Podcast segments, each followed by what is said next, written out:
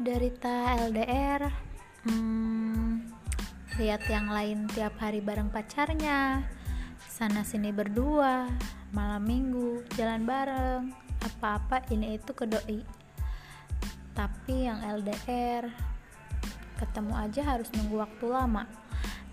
Bisa sampai sebulan dua bulan bahkan lebih baru bisa ketemu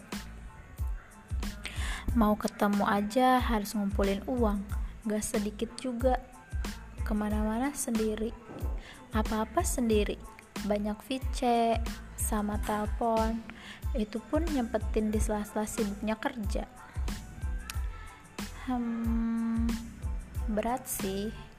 Harus jaga rasa percaya nahan cemburu tahan emosi.